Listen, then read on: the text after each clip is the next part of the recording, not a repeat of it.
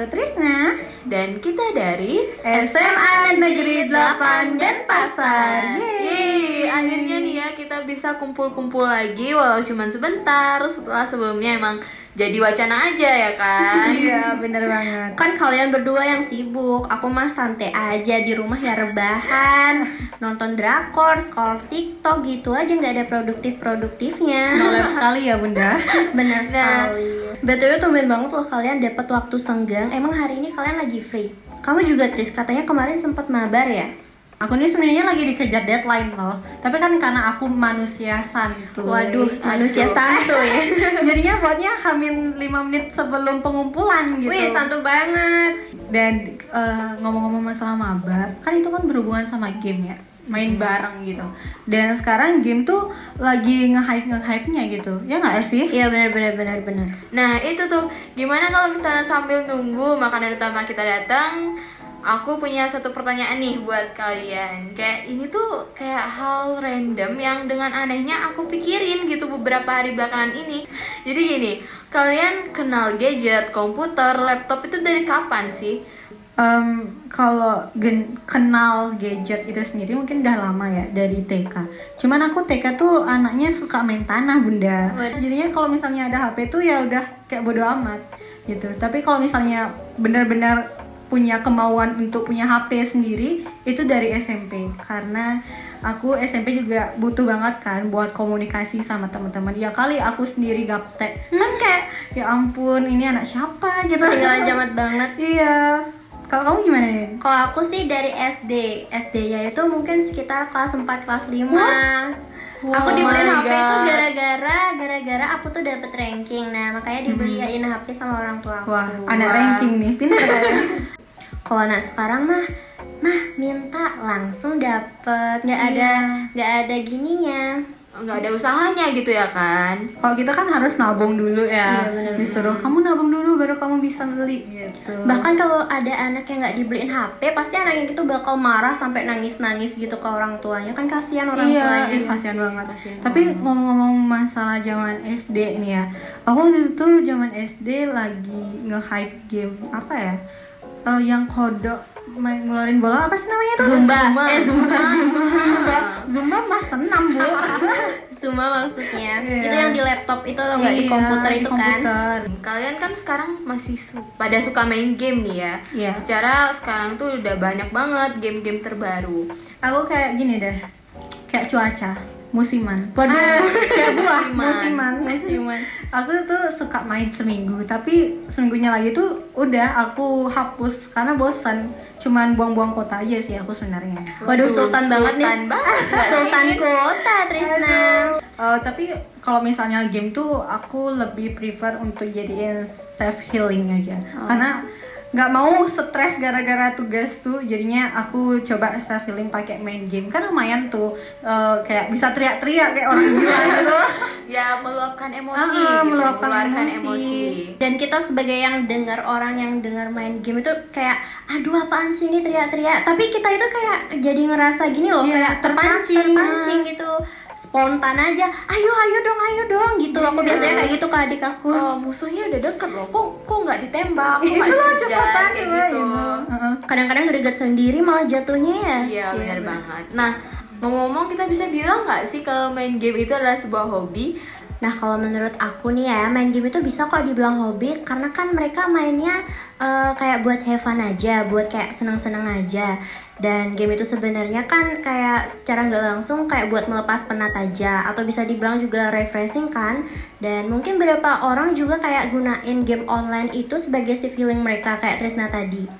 Dan biasanya nih dari game online ini bisa nambah relasi pertemanan loh, tapi caranya itu dengan non eh, dengan komunikasi yang non verbal. Dan kalau emang bener-bener ditekunin banget, eh, game online ini bisa loh jadi kayak pekerjaan. Mm-mm. Bener kan? benar-benar Bener banget sih. kalau aku sendiri ya sama kayak Nindi 11 12 main game tuh adalah sebuah hobi ya mungkin karena coba kita lihat dulu dari pengertian hobi itu sendiri apa kan hobi itu menurut aku adalah eh, kegiatan yang bermanfaat bagi kita maupun bagi orang lain yang kita lakukan di waktu senggang itu.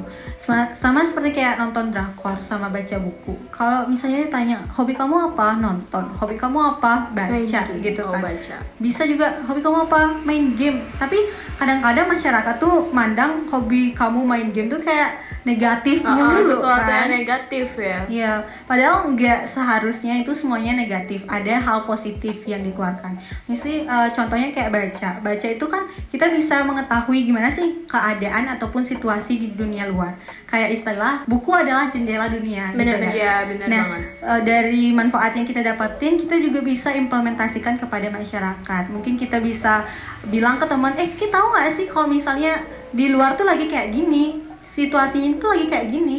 Nah gitu, kalau misalnya main game, apa sih manfaatnya kalau misalnya kita tekunin, kayak Nini bilang, kalau main game tuh bisa menjadi sebuah pekerjaan. Iya, kalau kita misalnya emang benar-benar uh, mengasah skill kita. Iya, kalau misalnya gitu. udah mengasah skill, kita ikut turnamen-turnamen, apalagi antar negara. Kalau kita misalnya menang, selain kita dapat uang, kita juga bisa membanggakan bangsa kita. Jadinya bangsa kita tuh nggak akan dipandang sebelah mata lagi. Oh itu loh Indonesia uh, pemain gamenya, programmernya keren-keren kayak gitu kan? Nah, iya. Sekarang tuh banyak banget ada teman-teman kita yang bisa sukses gitu memenangkan turnamen nasional, internasional lewat game online. Hmm. Dan akhirnya ya emang bisa mengharumkan nama bangsa juga. Benar emang yang dibilang sama Trisna. Nah, ngomongin tentang pengaruh game ya di masyarakat. Aku tuh jujur aja sih, kadang ketika ada teman, saudara yang lagi main game dan mereka tuh berdekatan gitu lokasinya sama kita kadang rasa excitednya mereka, rasa semangat, rasa gregetannya itu kayak kerasa banget gitu loh. nular kan? Heeh, bener-bener kayak wow, kayak aduh gregetan Eh. gitu kita. Apa sih namanya kayak sensasi yang mereka dapatkan dari game itu bener-bener nyampe di kita dan euforia eh, dan euforia itu nyata emang bisa Iya. bikin senang. Lagunya Kayak, BTS, lagu BTS ya. Nah ini tuh bisa jadi salah satu dampak yang positif kan untuk lingkungan sekitar. Nah kalian juga ya lumayan lah ya ikut perkembangan game sekarang.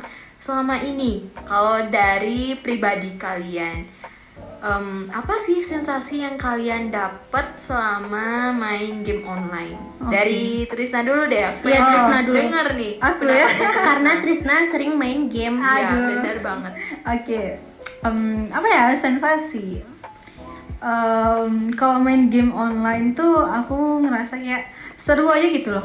Ada sesuatu di dalam diri aku yang memancing kayak deg-degannya itu ada kerasa Terpacu ya, terpacu. Em, eh, kayak semakin meningkat levelnya, semakin banyak rintangannya. Of course kayak gitu. Sama mungkin kita bisa bandingin eh, walaupun nggak sama 100% kayak sistem semesta kita.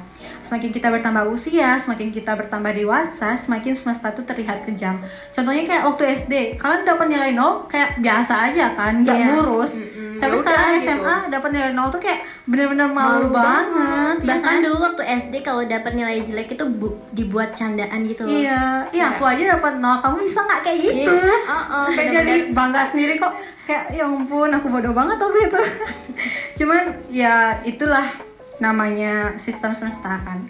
Cuman kalau misalnya semakin bertambah usia tuh semakin kejam semesta. Jadinya kita tuh udah siap tameng nih sama kayak main game online. Oh di eh, level 1 sampai level eh, 5 mungkin sekali main langsung menang. Tapi level selanjutnya mungkin kita bisa sampai ngulang 10 kali ngulang 20 kali biar sampai menang.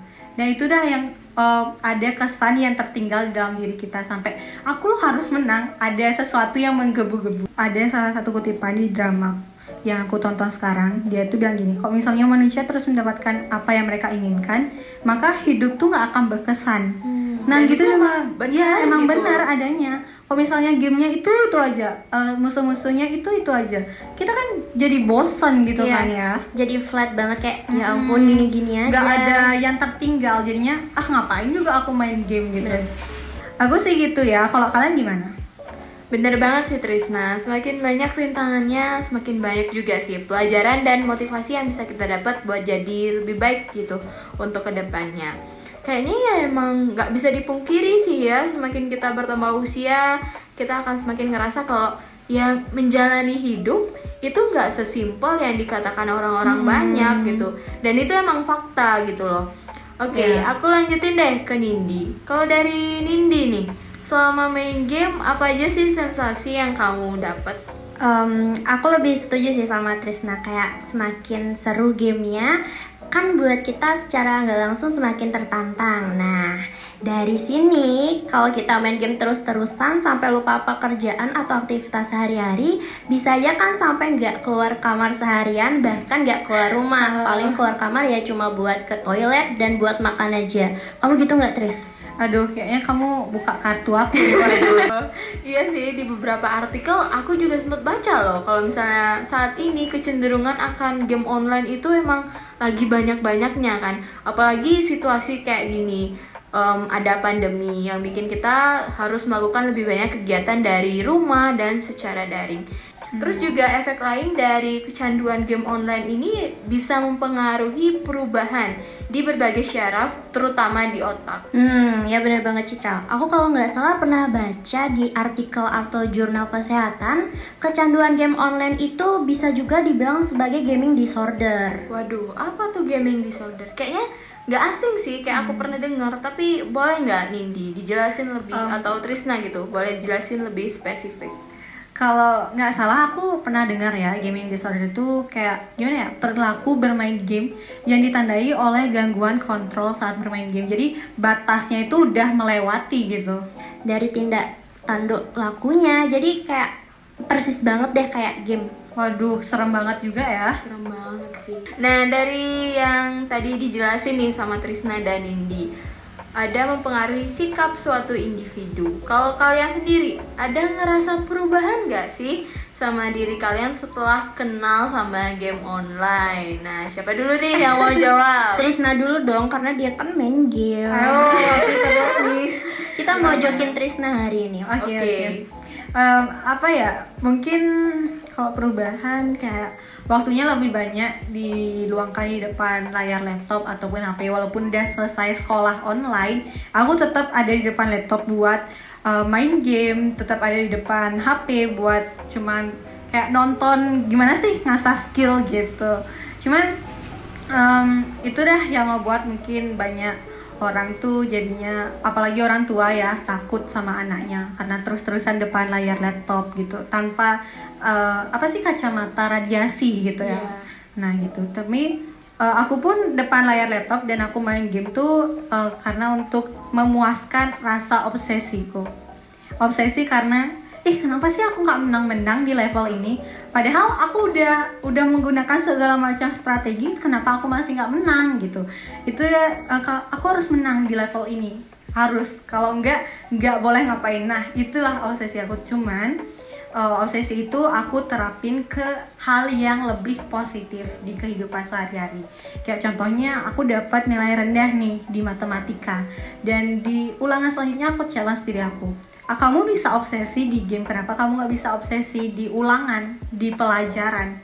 Coba deh kamu obsesi, kamu misalnya obsesi mendapatkan nilai 90 kamu harus bisa. Nah, akhirnya aku coba challenge dan aku mendapat nilai lebih tinggi daripada ulangan sebelumnya. Waduh, tepuk tangan dulu kali ya. Karena memang notabene aku nggak suka matematika sama sekali. Dan secara Iya. nggak langsung kan itu kayak buat jiwa kompetitif kita Iya. makin menggebu-gebu. Ya benar banget. Kalau dari Trisna itu tadi eh, salah satu dampak positifnya ya yang Iya. apa dari Tapi- game terus juga dijadikan sebuah motivasi gitu untuk bisa Iya. lebih baik ke depannya. Dan aku harap juga yang lagi dengerin podcast ini, apalagi orang yang lagi main game, juga bisa melakukan dan menerapkan hal itu. Kalau kamu nih gimana nih? Hmm, kalau aku mungkin dilihat dari perubahan segi negatif ya.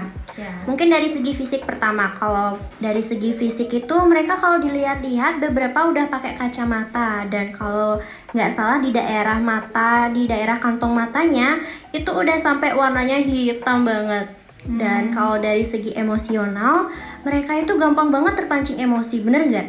Ya sih Iya benar sih. banget. Banyak banget yang berantem cuman gara-gara game. Iya, karena dia kalah nggak sih? Iya, dan itu kebanyakan anak-anak kecil. Jadi yang masih bocil-bocil bocil itu. gitu loh. Dan pasti mereka tuh bakal keluarin kata-kata binatangnya dan kebanyakan anak-anak yang main game itu omongannya itu lumayan Toxic, toksik ya. banget buat seumuran mereka. Seharusnya juga ya orang tua ikut mendampingi Hmm, kan ya iya. selalu diingatkan gitu diawasi anak-anaknya dan nggak hanya hubungan sosial kita aja ya emang terganggu gitu tapi kesehatan juga anyway kayaknya obrolan kita harus selesai dulu nih sampai di sini Uh, nggak kerasa Nggak ya. kerasa banget ya satu pertanyaan yang ringan ternyata bisa bikin obrolan kita terasa agak berat Oke, sebelum kita mengakhiri nih cakap-cakap kita hari ini, mungkin kalian berdua bisa ngasih pesan nih untuk teman-teman kita di luar sana. Dari siapa dulu nih? Eh, barengan. Barengan. Oke. Em, lagi-lagi aku ingetin, nggak semua hal di dunia ini positif dan nggak semua hal di dunia ini negatif. Pasti ada eh, 11-12-nya lah, 50-50. Nah, gitu.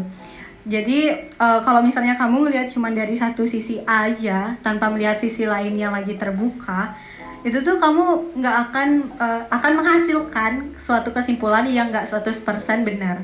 Jadi eh, kamu harus lihat dari semua sisinya biar nggak terjadi suatu kesalahpahaman atau ujung-ujungnya bentrok gitu kan demo. Sama kayak tadi yang aku bilang itu kalau misalnya em, kalau misalnya ditanya kamu hobinya apa main game pasti selalu dipandang buruk padahal nggak kayak gitu kan Hmm, tergantung individunya gitu iya ya kan. nangkapnya gimana Jadi pesan kita buat kalian semua yang main game, kalian boleh kok main game sepuas-puasnya, tapi jangan sampai kalian terobsesi sama game. Ingat, sesuatu yang berlebihan itu gak baik. Mengasah skill bertu mengasah skill bertujuan menjadi seorang programmer itu udah keren. Cuma ya selalu ingat ya, hal yang harus kalian lakukan sekarang dan jangan sampai kalian kehabisan waktu cuma buat ngegame dan akhirnya hal-hal yang seharusnya kalian bisa lakukan waktu sekarang malah hilang begitu saja. Dan penyesalan itu pasti datangnya terakhir. Kalau penyesalan datangnya di awal namanya pertemuan. Bener gak sih? bener banget sih Oke, makasih banyak kalau Trisna sama Nindi karena udah kasih pesan-pesan positif buat teman-teman kita. Nah, by the way, karena menu utama kita hari ini udah datang dan emang harus isi energi dulu nih sebelum lanjut nugas. Kalau dari aku sih, intinya game online itu punya pengaruh tersendiri ya di masing-masing person. Balik lagi tergantung gimana kita menyikapinya. Oke, segitu dulu deh untuk hari ini. Yang baiknya diambil, yang buruknya ya nggak usah ditanggepin lah ya, ditinggalin aja. Aku Citra, aku Trisna Dan aku Nindi. kita dari tim Appetizer, pamit dulu. have a nice day bye bye